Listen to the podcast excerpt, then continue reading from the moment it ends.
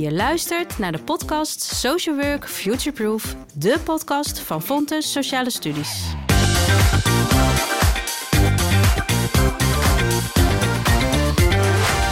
Welkom bij deze aflevering over samenzorg. Mijn naam is Erik van Roon, docent, verpleegkundige en podcastmaker. En vandaag ga ik in gesprek met Tetske van der Zijp, lector technologie bij het lectoraat persoonsgerichtheid in een ouder wordende samenleving bij Fontis. En met Maya Rotjak. Samen met Marielle van Pelt is zij lector sociale veerkracht. Uh, we zitten hier uh, vandaag om het te hebben, onder andere over uh, de werkplaats sociaal domein. En ik zit hier met twee lectoren.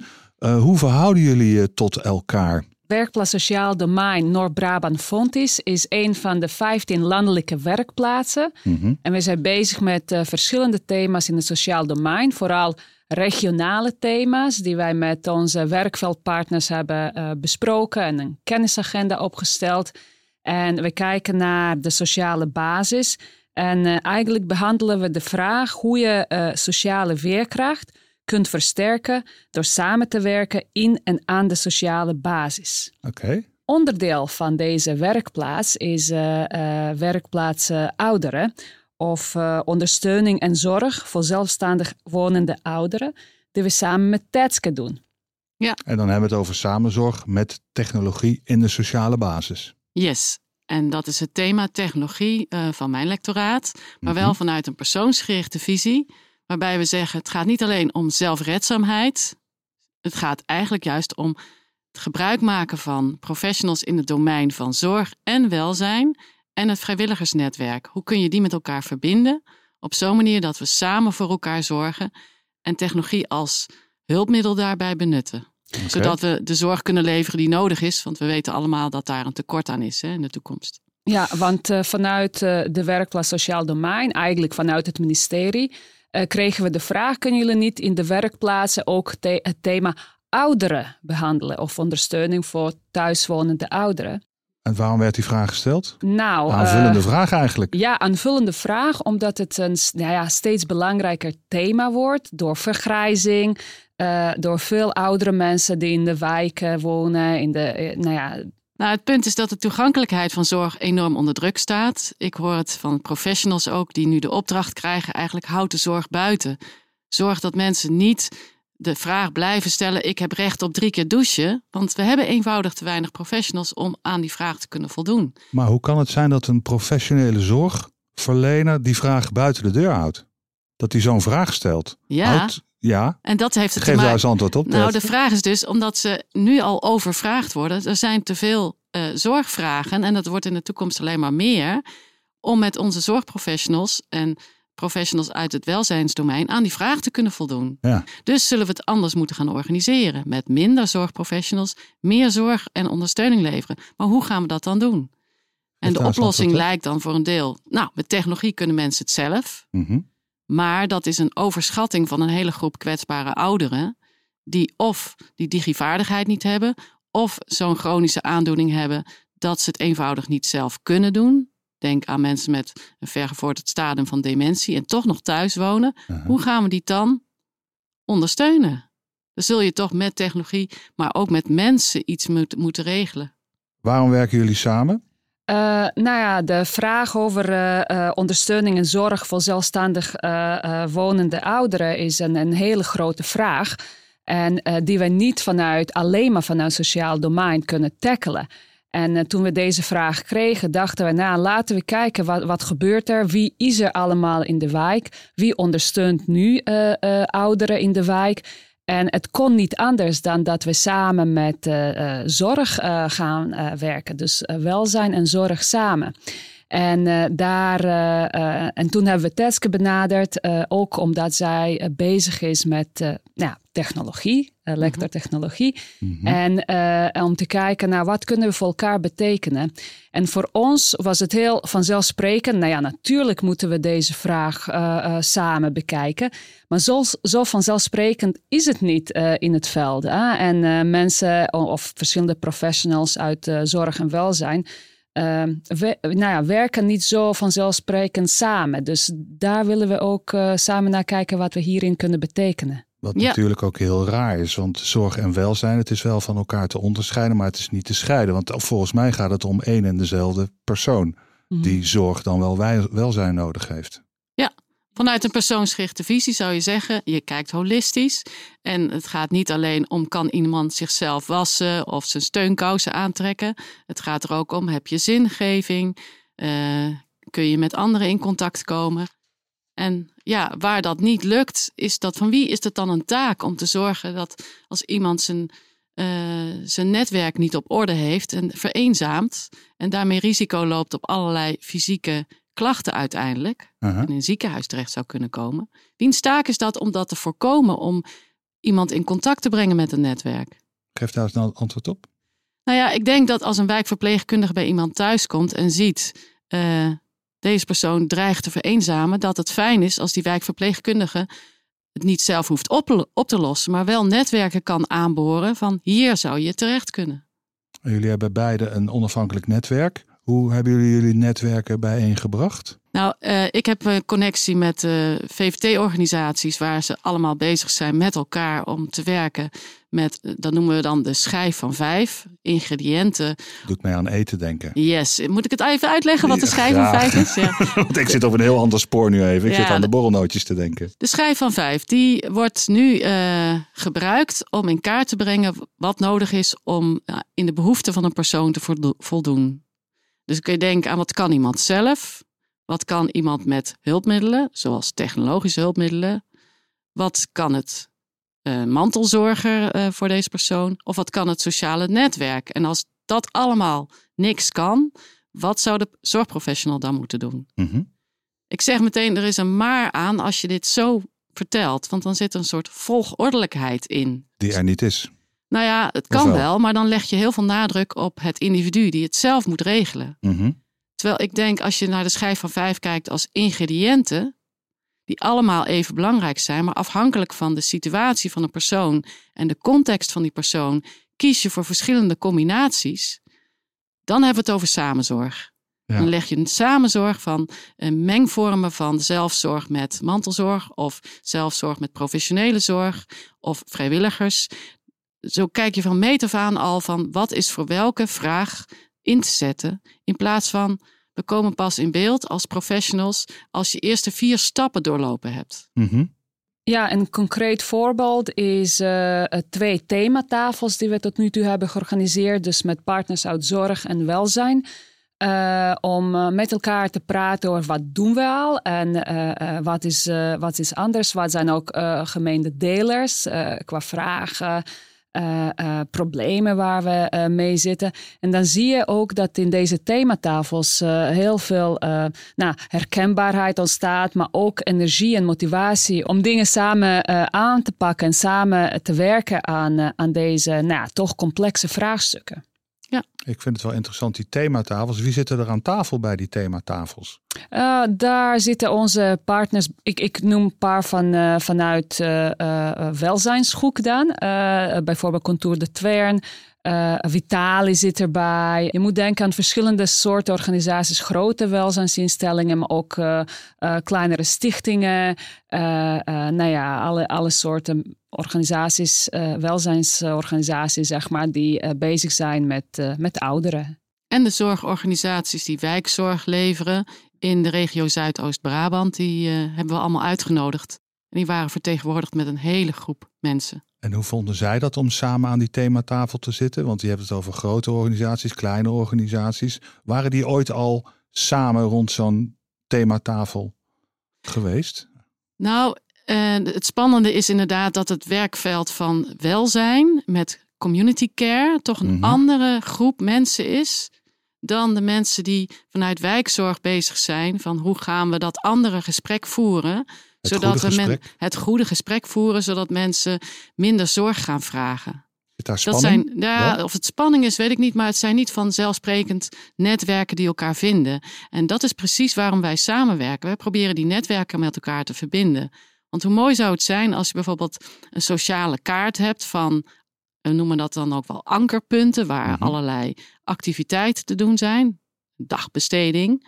En dat het bekend is bij de wijkverpleegkundigen die bij iemand thuis zijn. Op het moment dat iemand dan dagbesteding nodig heeft, ja, dan hoef je iemand niet te zeggen regel het zelf. Nee, dan kan je al meteen een suggestie doen van daar. Mhm. In jouw buurt is dit en dat en dat te vinden. En Ja, in jouw, versa ook? ja, in jouw buurt, in de, in de sociale basis, zeg maar, in de wijken waar ook die formele en informele netwerken en diensten samenkomen. Ja. Mhm. En daar hebben ook vaak sociaal werkers, die bezig, opbouwwerkers, eh, eh, die bezig zijn in de wijken, goede blik op.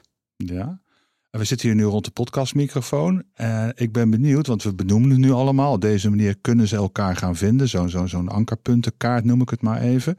Hoe wordt dat ontvangen voor de beide mensen, bij onze collega's, de professionals, die echt met de zorgvrager bezig zijn?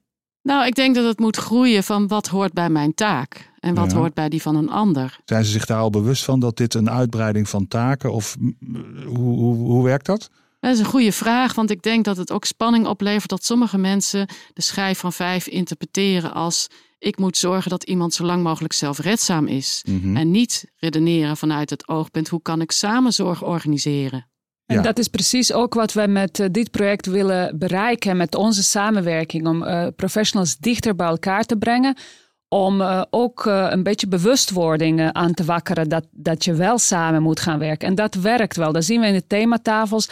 Dat dezelfde lijnen terugkomen. En dat mensen echt, eh, echt iets, iets willen doen. En, en zien dat ze veel aan elkaar hebben. Ik ga nu even de, de, de, de, de dwarse medewerkers spelen. Ja, twee lectoren, allemaal leuk en aardig. Die bedenken dat ergens achter een academische tafel. Maar de praktijk is zo anders. Herkennen jullie die geluiden? Wij willen niet beslissen voor, Mhm. maar we willen wel een kritisch bewustzijn bij de professionals zelf stimuleren. Want anders worden zij een soort pion die door andere, eh, door, wij spreken andere Zelf- belangen, Ja. van we moeten de kosten drukken, we moeten werkdruk naar beneden. Dus jullie moeten het verhaal vertellen aan de burger dat ze niet meer met zorgvragen bij ons kunnen komen. Mhm. Dan komt een zorgprofessional echt klem te zitten.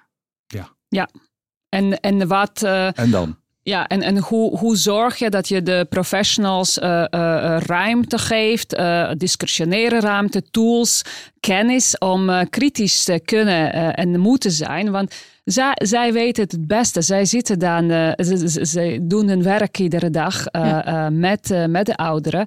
Dus eh, zij, eh, ja, zij zijn het dichtst bij eh, deze doelgroep. Ja, en zij, hebben ook, zij ervaren ook de gevolgen van keuzes die gemaakt worden. Samenzorg, is dat een nieuw begrip?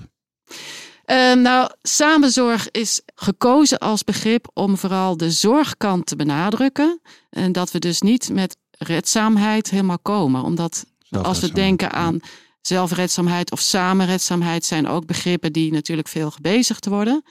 Maar het woordje zorg eh, refereert echt aan taken die zorggerelateerd zijn. En eh, wie, hoe gaan we die taken dus oplossen? En dan hebben we het over een hele grote groep mensen met chronische aandoeningen.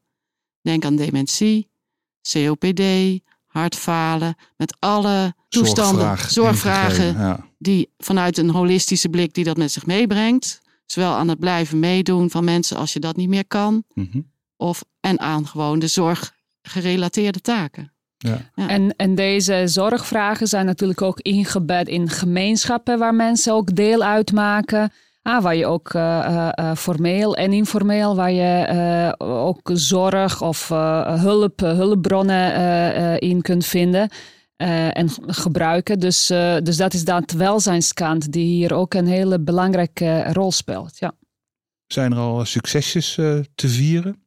Kleine succesjes, grote successen op dit moment? Nou, ik denk het eerste succes is natuurlijk die dialoog eh, stimuleren. Dat we ook een beetje dat schurende tussen van ja, waar leggen we nou het accent op? Zelfredzaamheid moet niet een doel op zich zijn. Mhm. We hebben een, een alternatief, zetten we er eigenlijk tegenover door te zeggen: zie het als eh, een mengvorm, een samenspel van verschillende vormen van zorg. En de dialoog is En- er al. En die dialo- dialoog hebben we natuurlijk gestart. Ja. Ja, dit is de, de kick-off was dit. Ja. Dus dit vraagt om voortzetting van eh, met onderzoek kijken van als dat andere gesprek dan plaatsvindt bij burgers. Hoe gaat dat dan? Wat levert het op? Waar gaat het minder goed? En wat kunnen we daar dan met elkaar van leren? Zodat je Mhm. eh, Hebben Ja. jullie al een eerste reactie teruggekregen van die kick-off? Het was wel verkennend, uh, Ja. maar uh, deelnemers waren ook heel enthousiast en er was ook heel veel energie. En, dus uh, we hadden Ja. niet genoeg tijd aan de hele middag en uh, avond. En uh, dus dat was heel, uh, heel mooi om te zien wat daar ook gebeurde tussen de deelnemers zelf, die dan ook uh, met elkaar in gesprek gingen over. uh, Er over werd goed dingen. gemingeld in ieder geval. Ja, Ja. ja, ja, juist. Dat is precies uh, de bedoeling. Eh, stip op de horizon. Klein stipje. voor- nou, eh, in, in tijd gezien, chronologisch, over een jaar en eh, over tien jaar. Nou, dit project eh, duurt sowieso drie jaar, dus dat is heel fijn. Het is eh, nou ja, misschien niet, niet, niet een hele lange termijn, maar langer dan normaal gesproken wat wij in het onderzoekswereld zien. Eh, dus dat is heel fijn. We hebben dan ook ruimte om goede verkenning te doen, eh, goede netwerken eh, op te bouwen, mensen bij elkaar te brengen. En wij zijn nu bezig uh, met het opstarten van een aantal onderzoeksprojecten die echt aansluiten bij de vraag uit de praktijk. Mm -hmm. En, um, en we verwachten dan over een jaar al wat inzichten te hebben, deze te delen en, en uh, bij wijze van spreken als, als uh, bouwsteentjes te bouwen en te verdiepen en door te gaan met, met kennis ontwikkelen. Uh, waar we inderdaad uh, professionals echt heel goed meenemen en zorgen dat het echt daar landt waar, uh, waar het moet landen. wat we ook zeker bij sociaal werk graag willen doen, is dit thema in ons curriculum laten landen. We zien wel dat Dan heb het. je het over het curriculum voor de bachelor. Precies, curriculum mm -hmm. van de bachelor, van uh, AD ervaringsdeskundigheid bijvoorbeeld ook. Ouderen, nou zo'n heel algemeen gezegd zeg maar, het is niet een populair thema om zo te zeggen. Terwijl het echt toekomst is voor veel van onze studenten. Mm -hmm. Of een doelgroep waar zij uh, nou ja, te maken krijgen sowieso in de toekomst. Dus dat willen we ook agenderen. Dus aan de kant van uh, onderzoek, maar ook onderwijs uh, wat betekenen. En uiteraard in het werkveld voor, voor de professionals. Hm. Ja. Ik ben altijd En ik benieuwd denk hoe jullie ouderen definiëren. Even een persoonlijk vraagje. Maar ja. Uh, Ja, jij probeert de vraag weg te- door te sturen. Ehm, nou, in dit project zijn ouderen gedefinieerd als eh, eh, mensen die zelfstandig thuis wonen. En waar inderdaad zorg en, en welzijnsvragen aan bod komen. hè. Oké. Dus het is, eh, ja, het is niet gedefinieerd als in, en dat is ook een tricky vraag, dus niet eh, eh, 65, 67 plus of zoiets Ja, dergelijks. heel veel mensen denken wel zo natuurlijk. Ja, daar is ook werk aan de winkel in Ja. onze samenleving. Ja, ja. Ja. Maar, eh, maar Kwetsbaarheid is denk ik belangrijker en we richten ons niet op jeugd. Ik denk dat dat meer Ja. de bedoeling is, dat je beeld hebt van welke doelgroep hebben we dan voor ogen. Ja, ja precies. Ik wou, ik wou nog een aanvulling doen op wat we, wanneer is dit project nou geslaagd? Mhm. En ik denk namelijk dat wij niet alleen als onderzoekers inzichtelijk maken en kennis opleveren, maar dat we echt als doel hebben om die vitale wijken te ondersteunen, waarin mensen zich echt gesupport voelen door zorg en het informele netwerk. En via ons onderzoek, al onderzoekend, willen we eigenlijk die innovaties ondersteunen. Dus het anders werken in de zorg ondersteunen.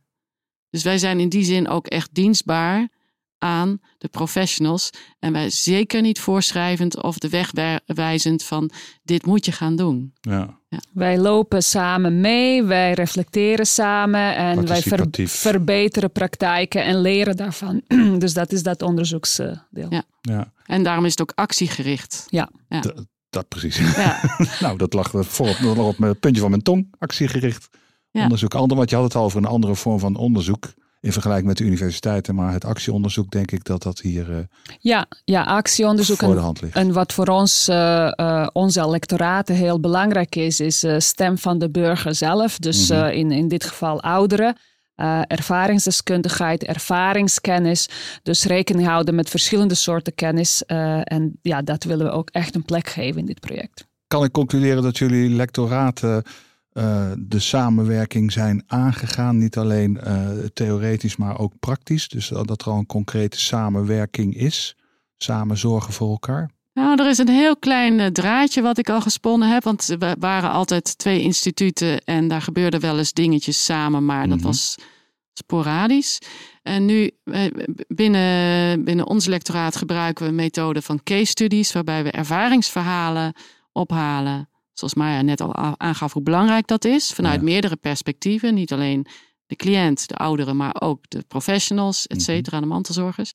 En die methodiek, daarvoor heb ik al interesse gehoord van een van de docenten bij sociale studies. Die zegt, goh, zou ik eigenlijk ook wel willen gaan gebruiken. En dan hebben we een soort gemeenschap, een leergemeenschap die instituutsoverstijgend is. Als we dus en studenten van sociale studies die verhalen laten ophalen en laten delen. En datzelfde laten we doen vanuit verpleegkunde. Dan kun je op metaniveau echt wel eh, uitvinden wat werkt voor wie in welke situatie. Ja. En daarin vinden we elkaar ook echt in die realistische evaluatie. Dit project is ook Center of eh, Expertise overstijgend. Bij Fontes hebben we Centers of Expertise, eh, onder andere Health and Inclusive Society. Mhm. En eh, nou ja, dat vinden we ook een toegevoegde waarde dat we met dit project eigenlijk nou ja, ondersteuning krijgen van beide Centers of Expertise, dus Health and Inclusive Society. En die vinden elkaar ook in, dit, in dit project. Ik ga jullie heel veel succes daarmee wensen. Met die samenwerking. Want daarmee geven jullie ook het voorbeeld aan de mensen die, eh ja, zijn bedside, het is vanuit mijn zorgachtergrond, die met de cliënt, zorgvrager, patiënt bezig zijn. Eh Maya en uh, Tetske, ik ga jullie danken voor jullie openhartigheid. Een heel fijn gesprek wat mij betreft. Ik weet niet hoe jullie daarop terugkijken. Maar in ieder geval bedankt en heel veel succes in jullie eh, toekomstige samenwerking. En dat dat nog vele jaren mag duren. Dankjewel Erik voor jouw prikkelende vragen. En eh, ik stel voor dat we volgend jaar eh, wel eh, weer een eh, podcast opnemen en dan nog eh, eh, eerste resultaten delen. Heel goed, zet de date 10 oktober 2024. Prima, staat genoteerd. Tot Deal. dan. Tot dan.